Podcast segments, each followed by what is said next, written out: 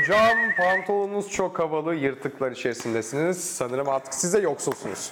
Hepimiz yoksuluz duvar. Buradan bütün yoksullara sesleniyorum. Zincirlerimizden başka kaybedecek hiçbir şeyimiz kalmadı. Pantolon bile yok artık. İşte çok güzel bir mesajdı.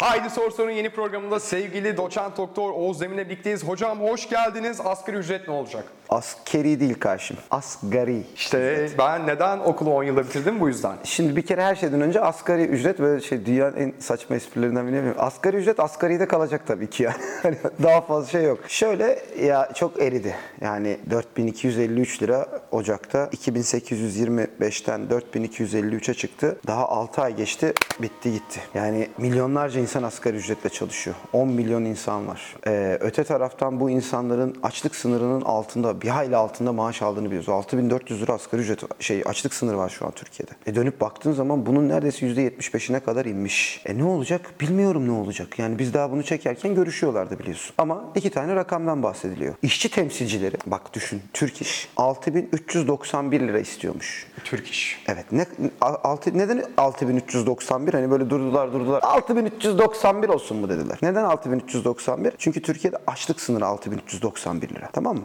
Şimdi it Türkiye'de işçi sendikası olan Türk İş, işverenden ve hükümetten yani asgari ücret tespit komisyonundaki diğer taraflara diyor ki bizi açlık sınırına çıkarın. Anladın mı ne demek istedim? Bak memleketteki sıkıntıyı düşün. Senin talep edebildiğin şey açlık sınırı. Öbür tarafta şey diyormuş. O çok istedin. 5500 küsür lira verelim. Anladın bak. Bir tarafta açlık sınırı talep eden, bundan utanmayan bir işçi sendikası. Öbür tarafta bunun altında verelim ne yapıyorsunuz diyen bir işveren grubu. Ne diyeyim be duvar? Nerede yaşıyoruz biz bilmiyorum. Hocam programın en başında söylediğiniz zincirlerimizden başka kaybedecek hiçbir şeyimiz yok. pantolonumuz bile gitmiş baksana Hocam, şu hale. Delik deşik pantolonlarla Hocam giriyorum. sizi de halledeceğiz. Şu O yüzden o yüzden böyle gelsin. yaptım.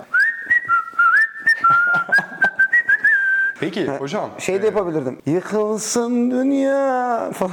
Eyvah eyvah. Hocam siz Ocak'ta demiştiniz ki asgari ücrete yapılan zam Şubat'ta eriyecek. E, eridi. Tarih sizi Evet. haklı çıkardı. Şimdi ne olacak hocam? E şimdi de eriyecek duvar. Bak Haziran ayı şey Haziran ayı enflasyonunu açıkladı İstanbul Ticaret Odası İstanbul için. %4 aylık enflasyon. var. Yıllıkta 94 hocam. Yıllıkta %94'e çıktık. Yani ve durmuyor bu anladın mı? Duracak gibi değil. Yok BDDK kararı al- alıyor işte dün dün gene Türkiye Cumhuriyet Merkez Bankası bir karar verdi. İşte döviz tutan hesaplarını döviz tutan şirk- şirketlerle ilgili bankaların komisyon oranlarını arttırdı.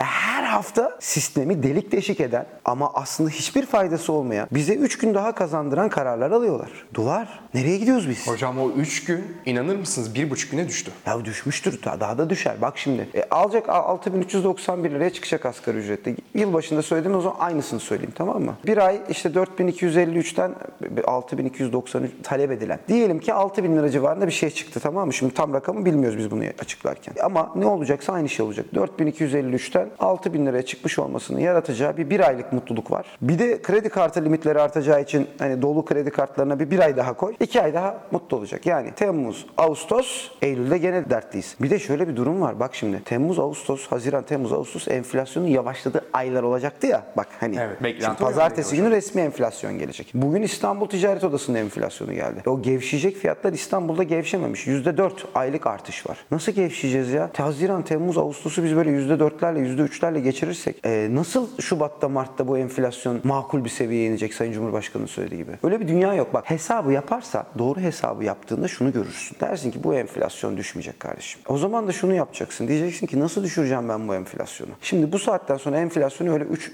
işte 2 faiz kararı, 3 bilmem neyle falan düşüremezsin. Senin bu saatten sonra bir istikrarlı, planlı, kararlı bir programa ihtiyacın var. Her şeyi düşünen. Ve bu programın bedeli var. İşçiye bedeli var, işverene bedeli var. Herkese bir bedeli var tamam mı? Bak böyle faiz arttırdım yetmeyecek. Bir sürü şey Hocam yapman bunu lazım. biraz açar mısınız? Faiz arttırmak niye yetmiyor? Çünkü eskiden diyorduk ya faizin artması gerekiyor. Şimdi ne değişti Ama o hocam? zaman neydi? Bak o zaman enflasyon %19'du, faiz %19'du. Tamam mı? 3 puanlık, 4 puanlık bir marj yaratacaktık. Dövizde böyle bir sıçrama olmayacaktı. Şimdi bizim faizdeki sıçramamız talebi kontrol etmek için ihtiyaç duyacağımız bir şey değil. Bizim sorunumuz dövizle ilgili. Bizim faizle ilgili bir sorunumuz yok. Şöyle yok. Ne kadar arttırırsak arttıralım fark etmeyecek. Çünkü ülkenin ekonomi güveni kalmadı. Bizim ihtiyacımız olan şey dövizi istikrara kavuşturacak komple önlemler alabilmek. Bunun için de faiz bir adım, işaret verir. Bunun için işte harcama disiplini bir adım. Bunun için e, ülkede yapılan yanlışlardan geri dönüş bir adım. Ama şunu anlatmaya çalışıyoruz ya. Hep hep de bunu söylüyorum ya. Artık bu belirli bir noktaya gelmeden yani bir- artık siyasi güven tazelemesi olmadan ekonomiye güven tazelenmesi mümkün değil. O zaman ne yapacaksın Duvar? Ne yapacaksın? Seçim. Seçim yapacaksın. Bak şimdi sana tehlikeyi söyleyeyim. Anlatayım. Koca koca şirketlerimiz var değil mi? Şimdi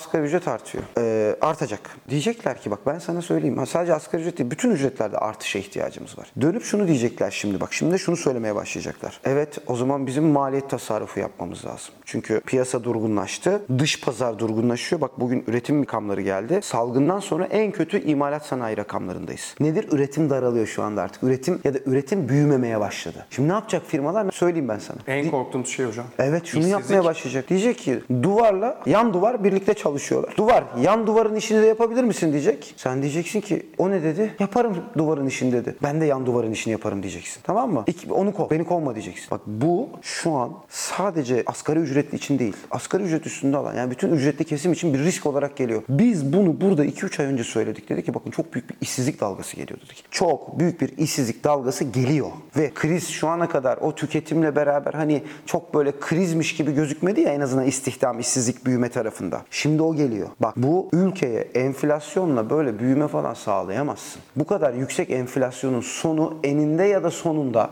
firma batışlarını hele bir de böyle kararlar alıyorsun. Yok dövizini bozdur. Yok sen işte e, sakın hareket etme, kımıldama falan filan. İthalatçıyı batırıyorsun, ihracatçıyı batırıyorsun. Dışarıdan ham madde aramal alan firmaları zora sokuyorsun. Bütün bunlar artık bu saatten sonra işi bozar. Başka bir yere taşır. İşsizlik dalgası geliyor. Bak şöyle bir şey demiyorum. Yanlış anlamasın kimse. Felaket tellallığı yapmadım yapmayacağım. Uyarıyorum ben. Diyorum ki bak bu zamana kadar bunu böyle devam ettiremezsiniz dedik. Bunu böyle devam ettirmenizin bir sınırı var dedik. Bunu devam ettirmenizin sınırında büyük bir işsizlik dalgası geliyor dedik. Evet hocam 6 ay önce çektiğimiz programda siz bunu söylediniz. Şimdi o geliyor. Bak o geldi. Bu asgari ücret zammıyla beraber o geldi. Şimdi diyecekler ki ya işte 2016'da da asgari ücret %30 arttırılmıştı. İşsizlik mi oldu? Sene başında asgari ücret %50 arttırıldı. İşsizlik mi oldu? Bir gözlemle ya böyle şeylere karar veremez. Tamam mı? Bir ben ben şunu demiyorum. Asgari ücret artarsa enflasyon artar demiyorum. Bizim enflasyonumuz artmaya devam ettiği sürece asgari ücretimiz artmak zorunda. Bizim enflasyonumuz artmaya devam ettiği nokta, belirli bir noktadan sonra ise asgari ücret artışının bir önemi kalmayacak çünkü işsizlik başlayacak. Hocam benim anladığım şey şu. Mesela ben şimdi asgari ücretle çalışıyorum ya. Yarın benim asgari ücrete e, gelen zamla birlikte alacak olduğum para artacak. Ama 3 lira olan ekmek şimdi de 5 lira oldu. Aslında her şey aynı hocam. Tabii bak şimdi senin satın alma gücün değişmiş. Şöyle bir itiraz var Şu biliyorsun. satın alma gücünden bahsedelim Bak hocam. şimdi şöyle bir itiraz var. Bir grup e, iktisatçı şöyle diyor. Şimdi asgari ücret artacak. e, dolayısıyla e, şey artacak. Fiyatlar yine artacak. Çünkü üreti- üretici maliyetleri yeniden artacak diyor. Tamam mı? Şimdi bakıyorsun bir taraftan şöyle bir gerçekle karşı karşıyasın. Az önce anlattığım noktaya gidecek işveren. Çünkü o e, fiyatı arttırabilmen için senin karşıda bir tüketim gücü olması lazım. Tüketim daralıyor. Tamam mı? Yani şimdi sen geçen sene aldığın miktarda mal satın alıyor musun? Asla. Ben geçen sene satın aldığım miktarda mal satın alabiliyor muyum? Herhangi biri geçen sene satın alabildiği miktarda mal satın alabiliyor mu? Yani tale- talep miktar açısından baktığında daralıyor. Niye fiyat arttı? Fiyatlar artıyor çünkü. Şimdi ta- miktarın artmadığı yerde üretici diyecek ki bir de benim e, şey maliyetim artıyor. Üretim maliyetlerim artıyor. İşte asgari ücret artıyor, döviz artıyor, artıyor, artıyor. Ama asıl artış asgari ücret değil burada ha. Döviz. Asıl döviz. İthal girdi maliyetleri. Asıl dengeler orada bozuldu. Asgari ücret suçlu değil. Ha şimdi ne olacak biliyor musun? Fiyatlara yansıtamayacak. İşte fiyatlara yansıtamadığı için duvar diyecek ki duvar yan duvarı kovuyorum onun işini de sen yapacaksın diyecek. Bunun adına ne diyecekler biliyor musun? Verimlilik artış. Bak, Verimlilik, bak, bak, bak verimlilik artışı böyle olur. Bayılıyorum hocam. Böyle böyle terimlere bayılıyorum. Verimlilik İnsanların artışı emeğini sömürecek, işten çıkaracak, bir kişi iki kişilik iş yaptıracak. Buna da verimlilik artışı. Ha nasıl olur verimlilik artışı? Teknolojiyi geliştirirsin, yatırım yaparsın, oraya büyütürsün, pazar senden bunu talep ediyordur, işler yolunda gidiyordur, verimliliği arttırırsın. 2003-2006 arası düşün. Tamam? Şimdi sen diyorsun ki firma batacak. Maliyet art- maliyetlerim arttı. Ben bunu indireyim. Nasıl indireceğim? İşçi çıkarayım. Ha ha ha hi hi hi oldu canım. Bak bunun şimdi iş, işverene de kızmıyorum bir taraftan aslında.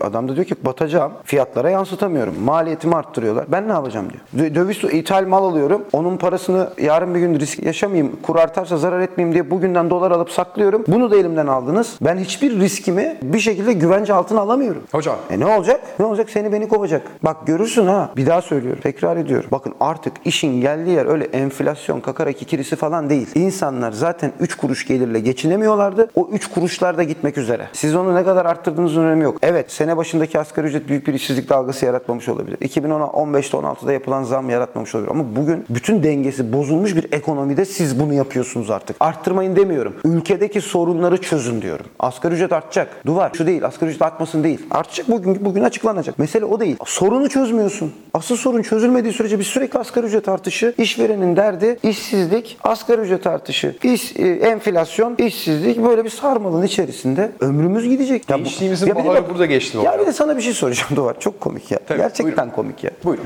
Biz niye krizdeyiz abi? Düşün, ekonomik olarak düşün. Bir nedeni var mı? Mesela Hocam, dünya krizde evet tamam on- ondan etkilendik. Hocam, Bir salgın yok Bu, bitti. bu sorunun yanıtını ben şöyle veriyorum. Tabii siz benim hocamsınız. Sizin Yok yanınızda bunu canım, olur mu? söylemek Yani estağfurullah ama artık. Sayın Erdoğan'ın faiz inadı diyorum hocam Tamam, bak. Gördüğüm bu. Her şeyin başı diğer Yani, burası gibi geliyor bana. yani ülkenin kaynaklarıyla ilgili bir anda bir yok olma yok. Ee, bir anda böyle saçma sapan bir dünya ortaya çıkmadı. Tamam salgın yaşadık. Salgının üzerine dünyada petrol fiyatları artıyor. Dünyada bir kriz var. Ama bu krizin ölçeği belli. İki birim kriz oluyor dünyada. Biz niye altı birim kriz yaşıyoruz? Bak iki birim kriz yaşasak hadi üç birim yaşasak gene anlarım. Hocam Biz 16 o dört birim birim fazla krizi sadece politikacının seçim kazanacağına inandığı bir politika ısrarı yüzünden yaşıyoruz. Kaybedin ya bir kere de. Bir şey olmaz. O kadar da dert etmeyin. Anladın mı? Kaybedebilirsiniz. Bu, bu, bu, bu dert değil yani. Asıl dert bu ülkenin milyonlarının ekmeğini kaybetmesi derdi şu anda. Ya siz orada iktidarınızı devam ettireceksiniz falan da filan. Ya kaybediverin ne olacak ki? Bir başkası gelsin. Düzeltemezse sen gene ben düzelteceğim de başka bir şey getir ona baksın. Ondan sonra sen bir daha kaybet öbürü kazansın. Duvar kazansın ben kaybedeyim. O kaybetsin. Bu kazansın. Siyaset bu ya. Hocam biz Almanya ile Türkiye gibiyiz. Bu şey gibi Siz kaybedersiniz, ben hep kaybederim hocam. Şey vardı ya bu Hurşit Güneş'in mecliste. Şimdi ben Haydar Bey'e takacağım. Haydar Bey ona takacak falan.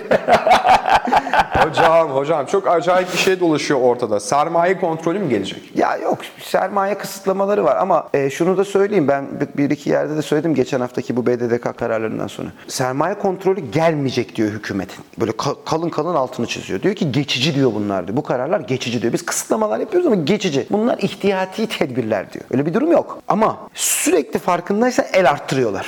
Ve sürekli el arttırmalarına rağmen istedikleri sonuca ulaşamıyorlar. Doğru muyum? El artıyor ama çözüm yok. Sonuç almıyor. E şimdi bir sonraki el arttırım ne? Ondan sonraki el arttırım ne? Bunun sonunda ne var? Hala çözüm olmuyorsa ki olmayacak. Buna gidersin. Bir- bak tekrar ediyorum. Şöyle bir şey söyleyeyim. Bu bir sermaye kontrolü değildir. Ya da hükümet sermaye kontrolüne gidecek demiyorum. Ama bu alışkanlığın sonu çözümsüzlükle beraber devam ettiğinde artık diyecekler ki yapacak bir şey kalmadı. Son raddede budur.